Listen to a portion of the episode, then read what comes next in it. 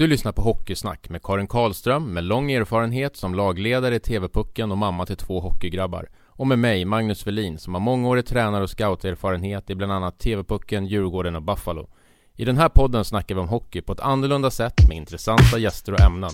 Podden sponsras av Athletic Work.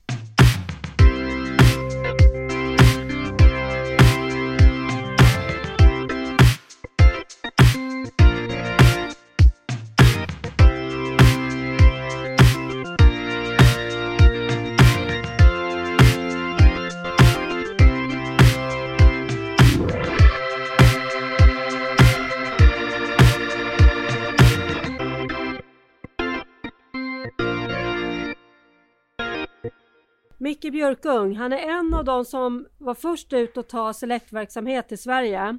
Och det här startade han med för drygt 15 år sedan. Det finns idag många selektverksamheter i Sverige och ännu fler uppfattningar om selekt. Hur de arbetar, deras filosofi etc. Det här är det vi ska få en inblick i idag. Hej Micke! Hej, hej! Välkommen! Tackar, tackar! Vi kan väl börja där att, vi, att, vi, att du berättar om hur eh, du kom i kontakt med Select för 15 år sedan. Ja, det börjar väl med eh, länge sedan nu. Eh, det börjar med att eh, jag hade en kollega, jag vet faktiskt inte, jag kommer inte ihåg jag, hur vi kom i kontakt med varandra, men han, det kom ett lag hit från, från USA, eh, ett så kallat Select-lag som skulle möta ett lag från Hammarbys ungdomsverksamhet tror att det var 80, 90 eller 91 -erna. Och de var rätt bra, det här Hammarbylaget i Sverige, Jag tror de vann SM, eh, eller i alla fall i final. Och eh, var nog rätt duktiga och det här laget från USA kom hit och om jag inte missminner mig vann med 7-8-0. Eh, så då fick de upp ögonen för det här att det här kanske var, finns andra hockeyspelare i världen som är rätt duktiga, även fast vi är bra. Mm. Eh, så då skulle de sätta upp ett lag tror jag, året efter och åka över och jag tror att det också var 91 eller 92orna eh, som åkte över och skulle spela någon turnering. Och där var inte jag med. Men sen när det här kom året efter så, så var jag över på en, på en camp i deras regi med min son. Och eh, då kom jag i kontakt med de här killarna som hade startat Select som från början hette How Hockey och fyra killar som hade dragit igång det där. Så var eh, Gordie House sonson bland annat som var med och därav namnet Howe. Eh, och sen har man bytt namn till och från efter åren då, som idag har blivit Legacy Global Sports. Eh, så det var väl så det startade. Jag var över på några camper där borta och de tyckte väl, svarta tycke för mig och tyckte jag var driftig och, och ville ha hjälp och kanske skapa några lag och kanske några fler lag. Så att det var så det började. Eh, så att för min del var det egentligen 93-kullen som var det första som jag satte ihop och då hette det Europe Select. Eh, så att eh, ja, det var många år sedan nu, men eh, det, var en, det var en rolig tid. Men när ni startade, den första 93 som ni körde med, mm. hur, hur funkade det då? Hur startade du igång det här? Men det var ju för att dels, dels hade jag ju min egen son då, sen har man ju rätt, hade man ju rätt bra koll. Man var ju jag vet inte, man brukar skratta åt det här ibland efteråt, men man var kanske en liten halvtokig hockeyfarsa med ett väldigt intresse för det här. Man hade väldigt bra koll på vilka andra 93 runt om i landet som var, som var duktiga eller började bli duktiga. Eh, och idén var ju då att försöka skapa ett slagkraftigt lag. Jag visste inte egentligen om begreppet, vad det stod för, vad amerikanerna tyckte att det skulle vara, liksom det här med select. Det har ju framkommit senare genom åren när man har brottats med med hockeyförbund och lite sånt där. Eh, men för, för dem var ju det en vår, vår och sommarverksamhet egentligen, inget konstigt med det, för de har inte samma upplägg som vi har i seriesystemen, att man tillhör inte samma lag. Och I Sverige tillhör man ett lag och man sommartränar med dem och sen går man på semester så kommer man tillbaka till samma lag, men det har man inte i USA och Kanada. Aha, så, så de kör liksom, där kör man, säg mellan september och april eller ja, någonting. Och exakt, då kör man med ja. laget och sen så är man på egna fötter. Exakt, exakt okay. så. så då, och då, då kör de så läcker Ja, då går man på spring hockey som de kallar det för och börjar köra i andra lag och det är inget konstigt, utan det är så det funkar. Eh, där. Sen kommer man tillbaka till sitt gamla lag eller så börjar man ett nytt lag sen. Så det finns otroligt mycket lag där borta så att de byter nog mycket mer än vad vi gör här i, i Sverige då, eh, från säsong till säsong. Um, och då, i och med att jag kunde 93-kullen, så började jag göra det här som jag har märkt efteråt var ganska tufft jobb. Liksom. Börja ringa, kolla, ringa och de man kände, höra mig för. Vissa spelare ringde deras föräldrar, fråga det här skulle vi vilja göra, vi skulle vilja dra med ett gäng till USA eh, eller Kanada, spela turnering eller två nästa sommar. Skulle ni vara intresserade av det? Um, och det gick väl hyfsat bra, men det var ju väldigt mycket jobb med det. Liksom, så att mycket ringandes och mycket, mycket kontakter och, och mycket väntan och sådär. Men, men eh, jag fick ihop ett ganska bra lag till det året vi åkte första året. Då. Och då åkte vi med på två turneringar. En, en ska se om jag minns rätt här, jag tror vi var i Montreal först på en turnering. Och sen åkte vi i tre dagar och bodde med värdfamiljer emellan till en annan turnering. Eh, så att eh, första turneringen gick inte speciellt bra, men då var ju syftet med att åka dit och vinna. Det var liksom hela, fanns inget camp inkluderat i det, utan vi skulle åka dit med ett bra lag. Vi hade några egna träningar bara, men sen, sen körde vi eh, och skulle vinna. Och vi åkte rätt bra på pumpen i, i första, i Montreal, jag kommer ihåg, åkte vi ut i kvartsfinal mot ett gäng som var grymt bra. Eh, tillika samma lag som var med i nästa turnering som vi åkte ner till. Eh, tror att det var i, om det var i, det var nog faktiskt i Vermont. Eh, alltså vi spelade mot dem i en turnering. Och där eh, torskade vi mot dem igen, första matchen. Eh, eh jag tänkte, ja men det här, vi har ett bra lag men det här räcker inte. Men vi pumpade på lite där och sen kom det till kvartsfinal och, och semifinal och sen mötte vi i finalen mötte vi East Coast Select som var, ja, på ren engelska, the shit. Det var de som hade spelat den här typen av hockey tillsammans på sommaren i två eller tre år. Eh, hade spelat ett 40-tal matcher, vunnit alla matcher, alla turneringar man ställt upp i eh, och var tillika den här turneringen 25-0 i målskillnad innan finalen. Och vi låg under med 1-0 i den här matchen i finalen till det var två minuter kvar eller något sånt där. Och vi tog ut keepern eh, och eh, lyckades kvittera. Så vi var de första som gjorde mål på dem överhuvudtaget. Och sen avgjorde vi mot dem i sadden. Så det var väl startskottet från att, att inte egentligen veta vad det här var för någonting till att när vi hade gjort det här och sen kom hem så byggde jag vidare på det såklart. Att vi hade vunnit den här turneringen och vi hade ett bra lag och, och helt plötsligt föddes ju idén då. Framförallt tror jag att de där borta, att vi skulle fortsätta eh, och göra det här en gång till och kanske ha, åka på någon mer turnering än bara komma över till Kanada. Vi kanske ska göra det här i Europa också. Det där, är ju, det där blev ju väldigt framgångsrikt och, och jag tänker att det blev ju väldigt eh, erkänt då. Eh, eller du och ditt lag blev ju väldigt erkända då eh, mm. i USA. Men här hemma då, hur, hur landar det här? Hur, i början, I början var det ju så litet så att det var ju, det landar ju, har inga minnen av att det landas något speciellt egentligen utan att vi varit där och spelat. Men, men ju mer jag började trampa mark här hemma, desto mer blev det då, för det här följdes ju då att vi skulle skapa till lag eller kanske två lag och göra lite mer saker så blev det också en camp som jag skapade med typ de här spelarna. Eh, campen var ju jättebra nivå för den åldern de var i. Och det gjorde ju att vissa kom dit och eh, tyckte det här är ju skitbra. Så pratade de med sina kompisar och farsorna och morsorna pratade med sina andra kompisar. Och, och helt plötsligt så ville folk, ville, var andra människor som ville vara med i det här. Och helt plötsligt hade man skapat någonting som kanske var svårt att komma in i. Eh, och det var ju roligt på sitt sätt då. Eh, för jag hade ingen tanke på egentligen att vi skulle göra det här någon större omfattning, utan det här var ju bara en rolig grej och oh, fan kul att ni vill vara med, men fan vi har rätt bra spelare i det här laget så att vi, vi kommer nog inte kunna, kunna göra det. Men, men med tiden så ville de att jag skulle fortsätta och bygga upp det här mera då. Jag hade ju ett annat jobb samtidigt så att eh, jag sa visst, det kan jag ju göra. Det låter ju skitkul att få jobba med hockey på, på heltid om, ni, om det ni erbjuder, så det, det växte. Men vad drev dig då i det här? För jag tänker att det är ju många som, som såg på den här verksamheten som att det här är ett sätt eh, att eh, dra pengar ur föräldrar. För det var väldigt dyrt. Mm, mm. Eh, det här är någon slags falsk marknadsföring. För det här är som ett landslag fast det inte är ett landslag.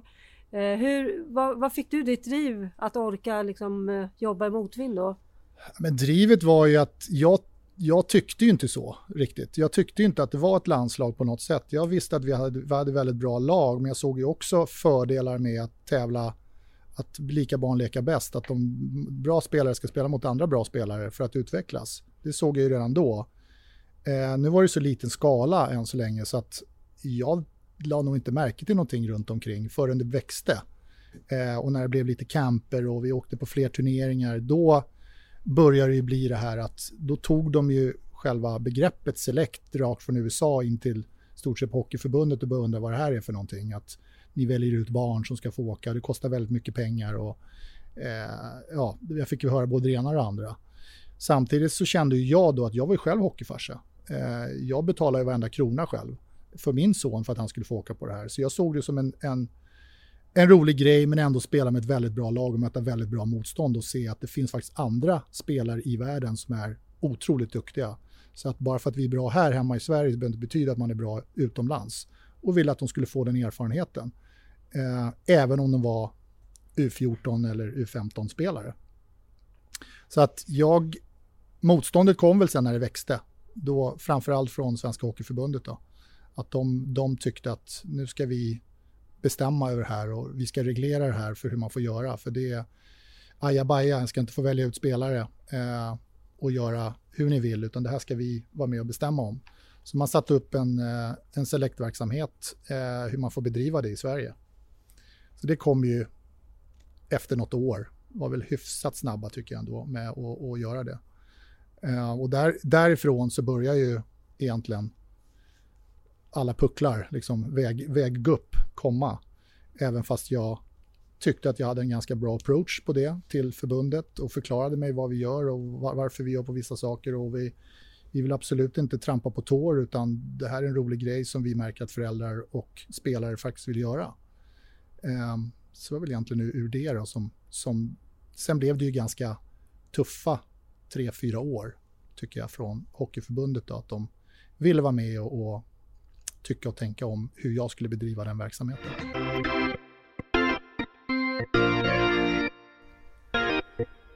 När du säger att det växte, var det i form, du nämnde ju för att, du blev, att ni körde camper och sådär också, men mm. det växte väl också i den formen av att det blev olika, alltså att man körde lag i olika kullar. För jag har ju minnen av att, att ja, men i år åker 00 åker till, säg Riga och 01 ska till Prag och, och 02 ska till något annat ställe.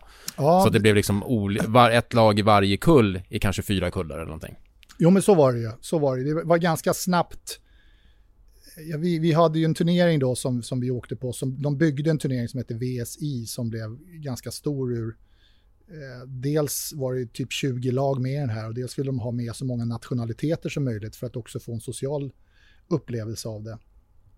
Eh, men då var det så, precis som du är inne på, det var väl fyra årskullar tror jag. Och, och då var det, startades ju då också under det här, då döpte de ju om det, eller vi döpte om det då till Europe Select hette det från början för vi hade inte ett helsvenskt lag, vi hade några finnar med också som var med och spelade, så då kände vi att ja, men det, det är ett bra namn. Eh, och vi hade ju kunnat haft en ryss med, eller vi hade en ryss med en gång, men han är ju jämte amerikanare. Eh, Galenchuk, eh, som är ryss men har bott i USA hela sitt liv. Så att Europe Select kändes bra då, men sen blev det Sweden Select. Men i samband med då att vi byggde ut verksamheten och de startade den här turneringen VSI så skapades också flera eh, Finland Select, eh, Norge Select, eh, Latvia Select. Så det blev på ett par år blev det ganska, ganska stort och ganska omfattande verksamhet med att inte bara vara det här ena laget utan vi faktiskt hade, jag tror som mest vi hade en, jag reste med 40, 45 lag någonstans där.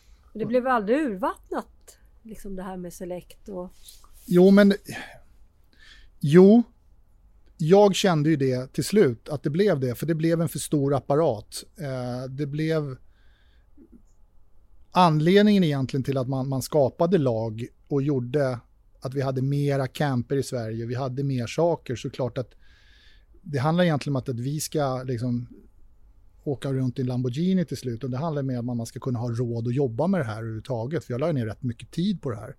Och då måste ju pengarna komma in någonstans så att jag kan i alla fall få en ersättning för den tiden jag lägger ner.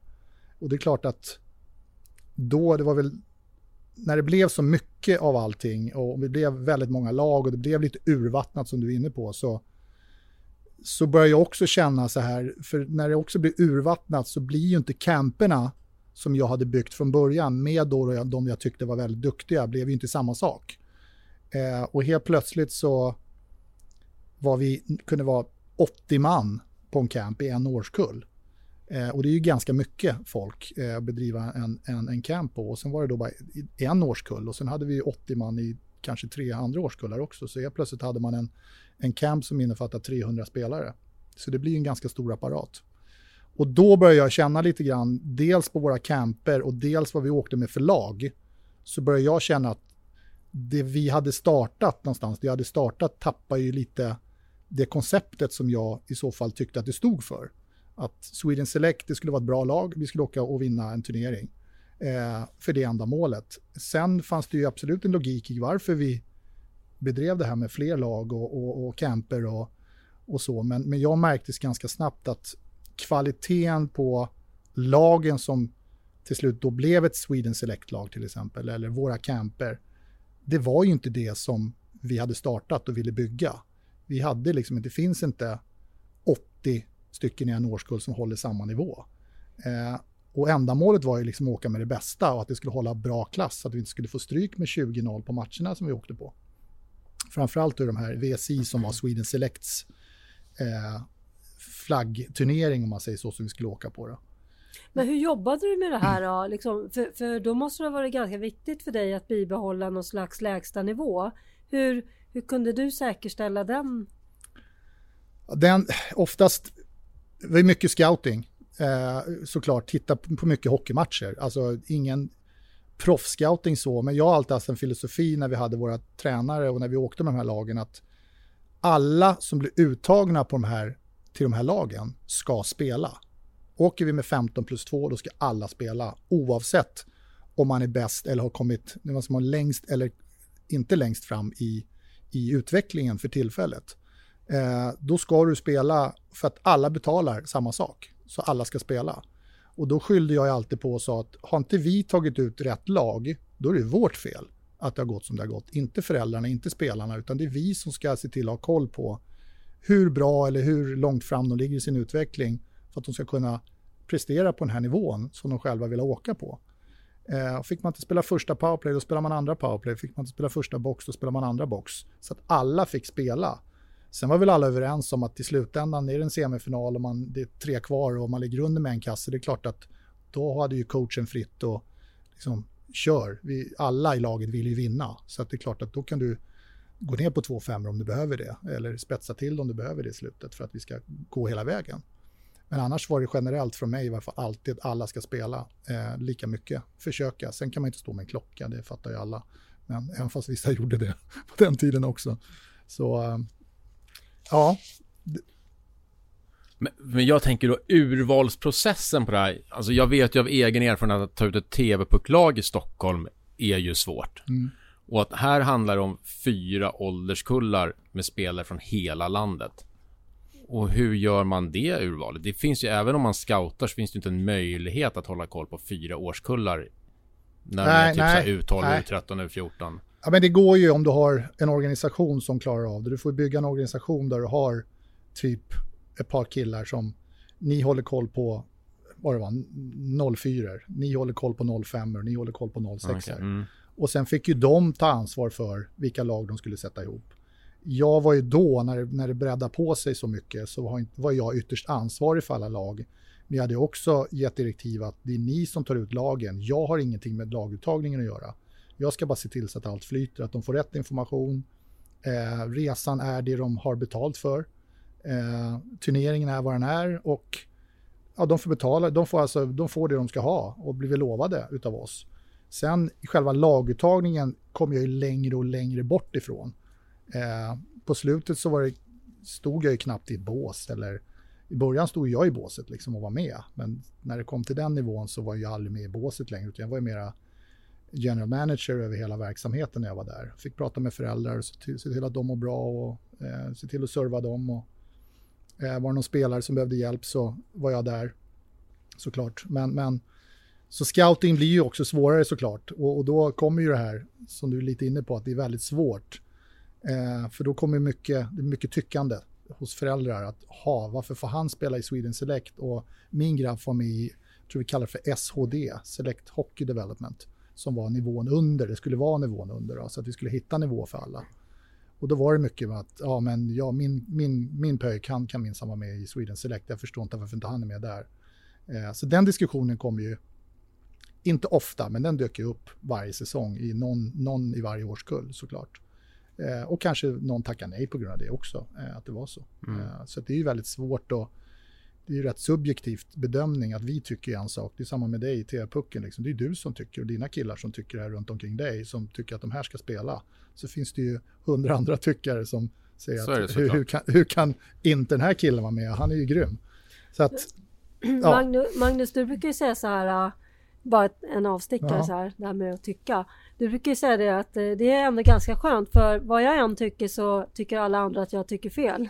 Eller ja, den, ja, precis. Så det, oavsett vilket beslut jag tar så vet jag att det blir fel beslut. Precis. Och det är ju en trygghet för mig. Ja, ja så är det ju.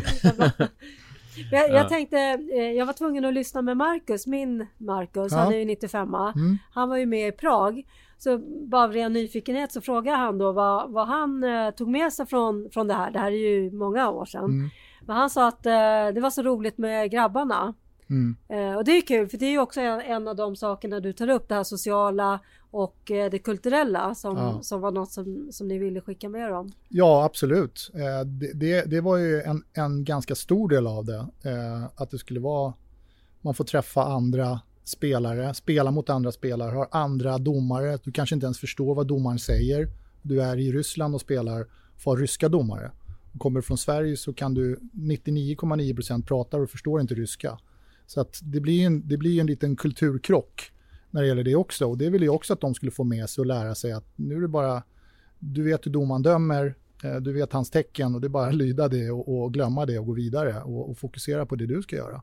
Så att det är klart att den biten var ju, var jätteviktig, men det var ju, det blev en ganska stor apparat av det här. Eh, och det gick mot en väg där jag kände kanske till slut att ah, det, här, det här är inte riktigt vad jag, vad jag står för eh, längre. Eh, så att det var väl om man ska titta på var, varför, jag, varför jag inte jobbade kvar mm. egentligen. Då. Vad, var det, vad, vad var det inte kunde stå för då?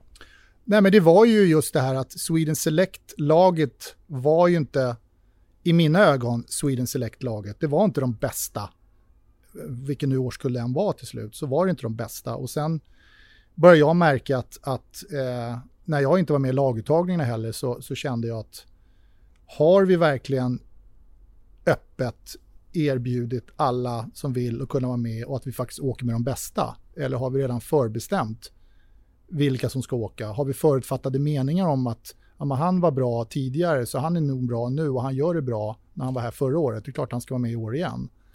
Eh, man tog den enkla vägen istället för att fortsätta scouta. För det här var ju här och nu vi ville att de skulle vara bra. Det fanns ju liksom ingen egentlig... Det är lite så här kanadensiskt att man, man, man ska spela mycket matcher och man ska vara bra nu. Vi har en väldigt bra utbildnings, utbildnings, utbildningsplattform ska jag säga i Sverige. Eh, där långsiktighet eh, kanske är ett viktigt element. Men där fanns inte det så mycket och vi ville ju då följa lite grann det här amerikanska. Det skulle vara lite amerikanskt, lite kanadensiskt, att man, du ska vara bra här och nu. Och jag tyckte vi tappade det. Eh, Sweden Select var inte Sweden Select för mig längre. Det var inte de bästa spelarna längre. För att det krävs ett så otroligt jobb med att få, få med de bästa spelarna. Eh, och, och sociala, sociala bitar tror jag. Alltså att man, man kanske känner de här människorna på ett eller annat sätt innan så man kan gå i god för att man lägger det i 9-15 000 på att åka till Kanada eller USA så lovar jag, det kommer bli bra. Det kommer bli skitkul, ni kommer få med om det här och det här och det här. Och när det till slut blir en så kallad resebyrå av det eh, och de inte stod, och, stod upp för det vi sa att vi skulle göra och ha det bästa laget så tror jag att många börjar nog titta lite snett på det då och se är det här verkligen det bästa? Och sen börjar det, i slutet, precis när jag la av så börjar man ta in, jag tror vi pratade om det någon gång tidigare Mange, du och jag, att det här med tränare, jag var ju alltid så här, vi skulle aldrig ha föräldratränare i de här lagen. Av, av många anledningar. Det skulle vara en utomstående tränare som vi har tagit in som inte skulle ha någon med, även fast det startade så för mig. Men jag fick erfara att eh, Mange då, som jag körde det här med, han tog ju min son fick inte plats på nio forwards när vi åkte med första laget och det fick han berätta för honom. Ska du, då hade vi en vakansplats på backen, då fick han följa med på grund av det. Så jag var ganska tuff mot honom från början och jag ville att vi skulle ha det så här för att ska vi bygga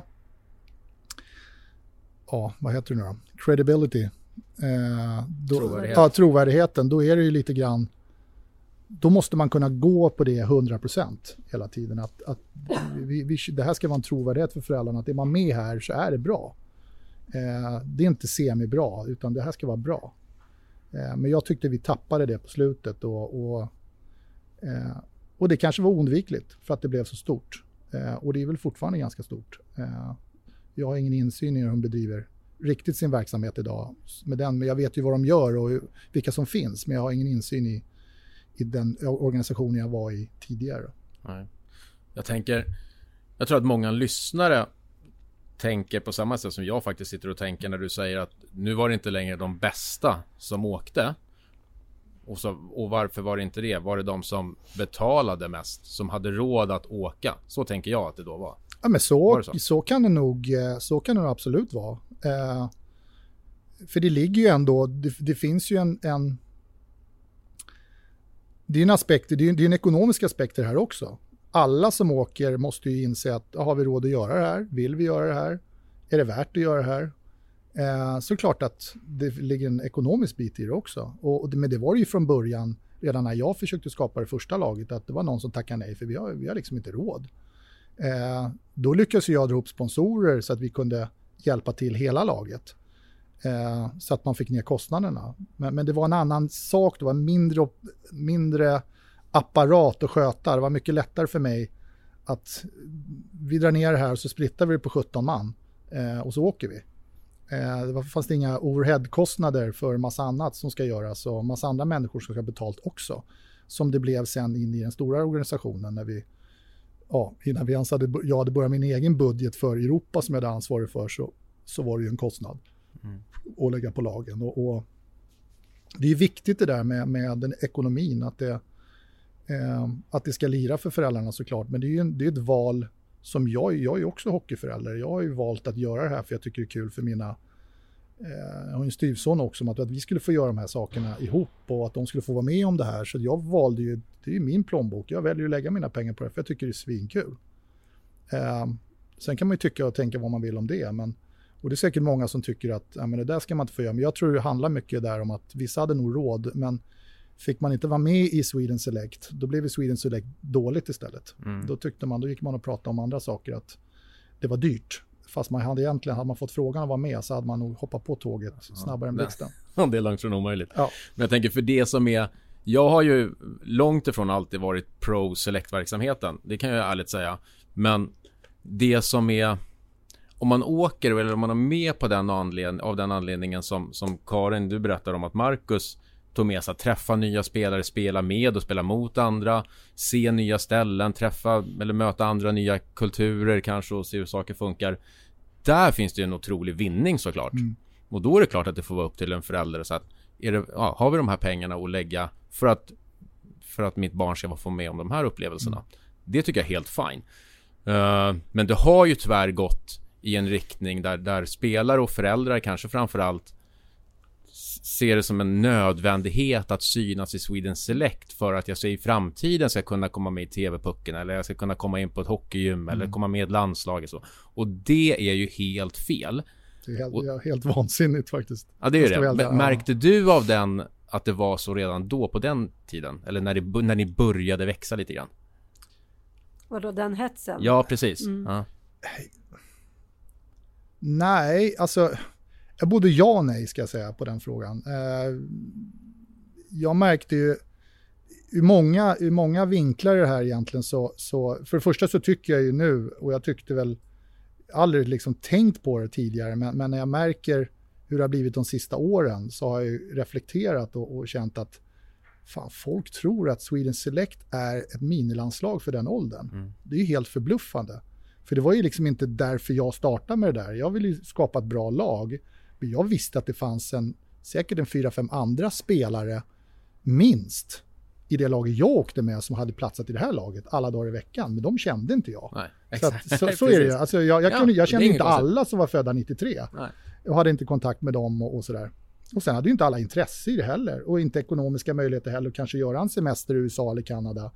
Eh, alla har olika jobb och alla olika ekonomier så att det där är ju... eh, Men, men ja, senare åren har jag märkt att folk, och jag tror framförallt föräldrar, tror att, att är man med i Sweden Select, då, då, är, jag, då är jag på gång. Liksom. Då, då är Det är det... en mätsticka. Ja, då, då är mätstickan hög. Och är jag inte med där så är det, fan, hur Ja, fan ska de märka ja, mig nu? Hur då? ska de se mig? Ja. Och, och, och det där tror jag det kommer in lite sneda grejer från föräldrar och tror att nu ska jag minsann vara med här och varför får jag inte vara med? Varför får inte min grabb? Varför får inte min son? Eller min dotter för den delen. Nu hade vi några tjejlag också på den tiden som, som jag var inblandad i varje fall. Eh, för det är väldigt stort i USA och Kanada, tjejhockeyn. Så att vi försökte ju och vi hade väldigt mycket turneringar för tjejer också. Eh, men tjejer och killar skiljer sig åt ganska mycket där såklart. Eh, men ja, jag, jag, kan nog, eh, jag, jag kan nog hålla med idag och, och framförallt går man in på Elites Prospect idag och tittar Exakt. och så kikar man på, liksom, de har statsen från de här turneringarna som Mm. Legacy Global Sports då är sponsor på på Elites Prospect. Det är för mig så här, Det är förkastligt ju. Ja, U12, U13, ja, ja, helt det ointressant ja, är det. Och helt- det skickar också en signal ut att det faktiskt är viktigt att vara med. För att det, det syns ju på min Elite Prospect-profil ja. att jag har varit med där. Ja. Då är det klart att man tror att det är viktigt. ja, absolut. Det är helt otroligt. För mig. Ja, det är det faktiskt. Det är det faktiskt. Det kan vi prata mer om eh, längre fram här är Kul. Det kan vi göra. Ja.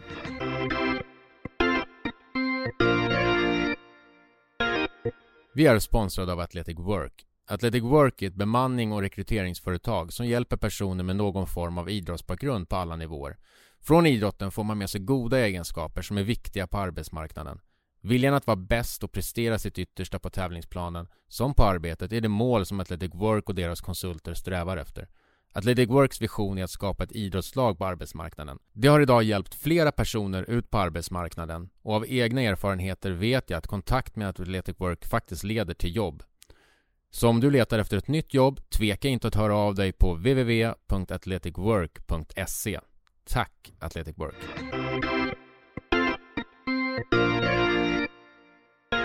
Men då, då förflyttar vi oss sju år framåt. Vad, var är du nu någonstans? Idag driver jag 365 Hockey Development sedan eh, snart tre år. Eh, som väl egentligen det första helt egna som jag startade. Eh, och bedriver där resor som vi gjorde samma typ av resor egentligen, alltså i den benämningen. Eh, upplägg, att man ska åka och spela en turnering. Men kopplat på att vi alltid har camp på plats med, kopplat till den här resan.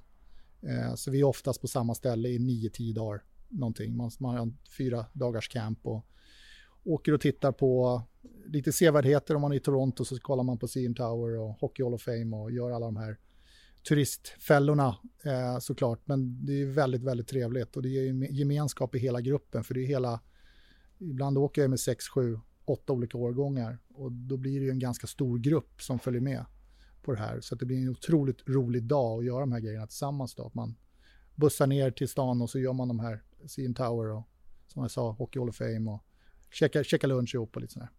Vad är den stora skillnaden då med den här verksamheten kontra Ja, den stora skillnaden är att jag har tagit med mig all den här erfarenheten som jag samlat på mig under selektåren. Eh, kunna ta det bästa med mig in i 365, helt enkelt. Eh, det är otroligt värdefullt och viktigt för alla spelare, tycker jag.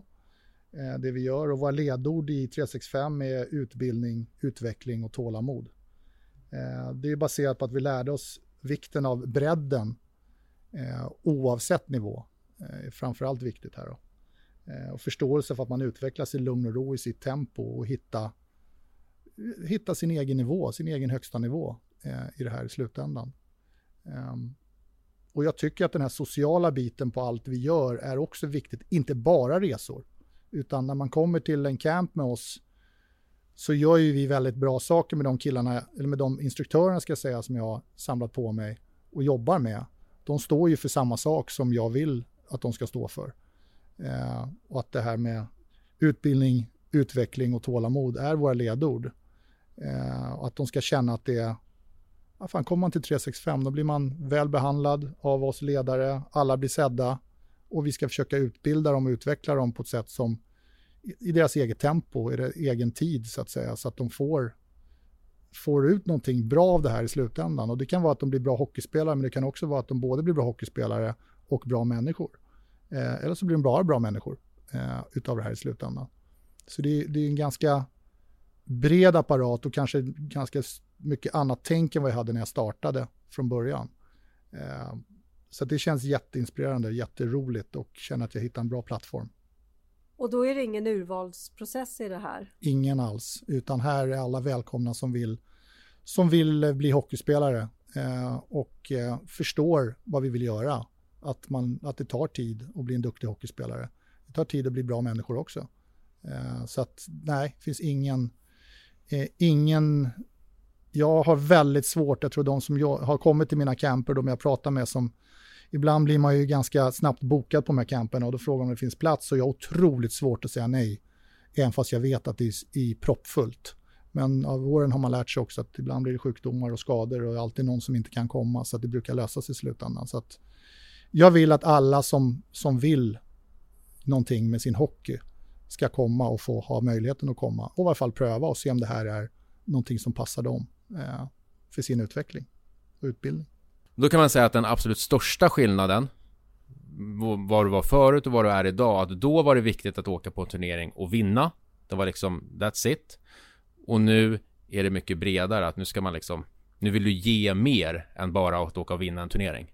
Har jag ja, ja, ja, Helt, helt rätt. Jag, jag, alltså det, på det tidigare fanns det ju liksom ingen, ingen direkt långsiktighet i någonting. Att, att jag tyckte inte att jag utbildade spelarna eh, på något sätt. Eh, nu idag, med det jag gör idag, så känner jag att det finns ett helt annat tänk med hur vi ska utveckla dem, hur vi ska utbilda dem, få dem att förstå att det krävs tålamod, hårt jobb. Det är klart att jag brukar skoja med, med föräldrarna innan våra camper startar och säga det spelar ingen roll hur ofta ni är här om inte er son eller dotter petar in 100% i det de gör.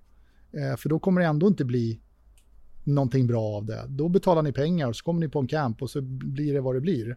Men för att ni ska få bäst utbildning så ta vara på den tiden ni har när ni är här och ge, ge allt oavsett såklart nivå. För alla är välkomna. Vi tycker det är skitkul med olika nivåer. För det sätter också oss på test lite grann hur vi ska anpassa verksamheten och våra instruktörer de är på isen eh, i utbildningen. För att vissa är ju längre fram än andra såklart och så kommer det alltid vara. Eh, men det tycker vi är bara inspirerande att, att de kommer så att vi också får, får, får köra det. Mm. Så gått från kortsiktighet till långsiktighet egentligen i, ja, i tänket? Ja, i, i kort och gott kan mm. man nog faktiskt uttrycka det så. Uh, och jag tycker att den är... Man blir väl lite visare med åren också som, som person och man blir äldre så man förstår också att det krävs lång tid. Och det, och det är ju så att det vet ju du också Mange, tror jag, som har jobbat med det du har gjort under längre tid med scouting och, och varit runt omkring ledare och du också Karin, att någonstans så när man får kontakt med också med spelare som har spelat på den absolut högsta nivån eh, och spelare som kanske inte har varit på den högsta nivån eller är på en hög nivå idag, det kan vara division 1-spelare till exempel kontra en NHL-spelare, så lägger de ner ungefär mycket, lika mycket tid på sin träning. Men det skiljer vissa grejer i, i spelet eller vad man är, om man har medfött spel, spelsinne eller vad det nu kan vara. Det finns det är små, små saker som gör att man blir NHL-spelare till slut än att spela kanske i division 1. Och det är en mängd faktorer såklart, men de är inte så himla stora. Mm. Eh, men i min mening så, så tror vi att alla som kommer på våra camper idag har en möjlighet faktiskt att kunna spela professionell hockey med tanke på den globalisering som är i världen med hockey. Du kan spela, jag tror till och med finns proffslag på Hawaii. Eh, så att det går ju faktiskt att tjäna pengar på att spela, ha sin idrott och vara en hockey, hockeyjobbare. Eh, och därför har jag med åren också sett att det här med långsiktighet och tålamod är en viktigt element i utbildningen och framför allt till föräldrarna. Att de förstår att det är liksom nyckeln till det här. Liksom.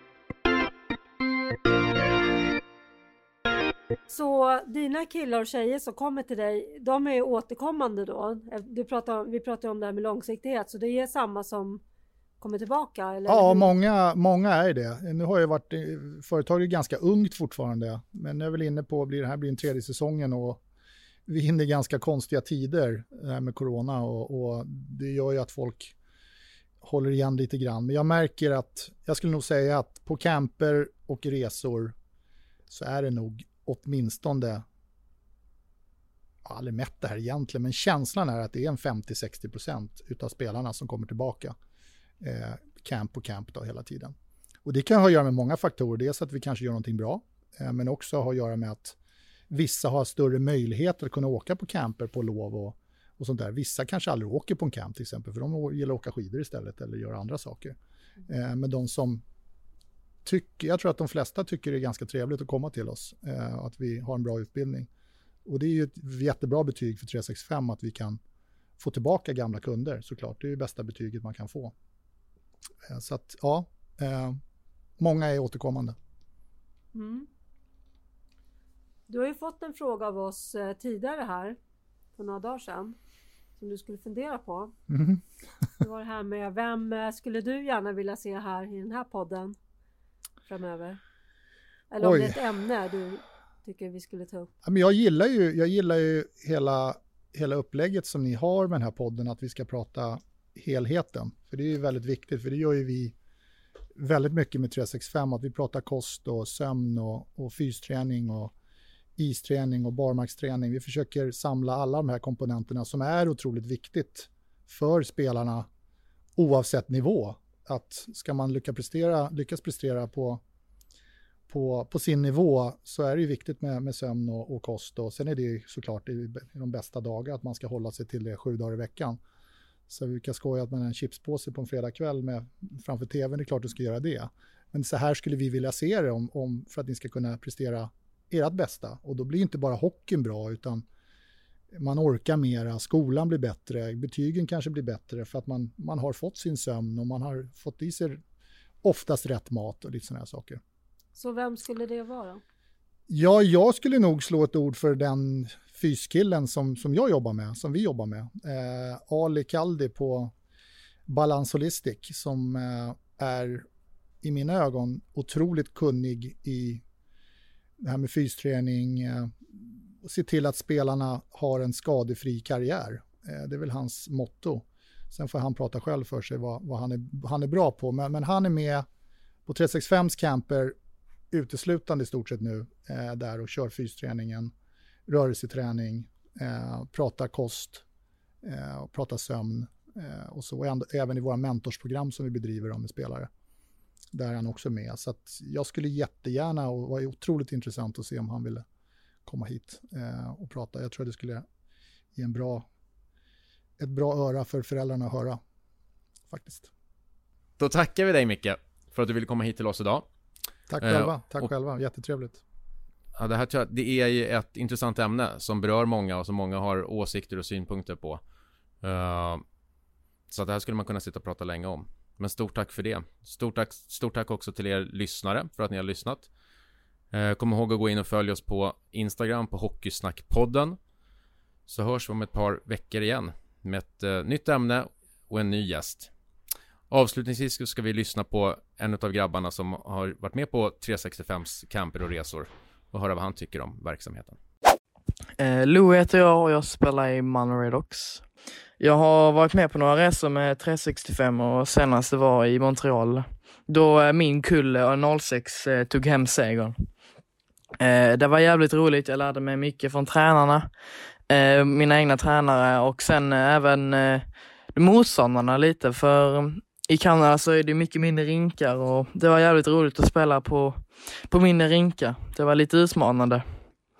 Och jag vill bara tacka Micke och gänget eh, för allt de har lärt mig i 365 och jag hoppas eh, vi syns snart efter coronapisset är slut. Ha det bra! I nästa avsnitt, som släpps den 21 januari, träffar vi två spelaragenter. De berättar om sina jobb och förklarar vad de tycker är viktigt för spelare och föräldrar att tänka på. Missa inte det. Vi hörs då!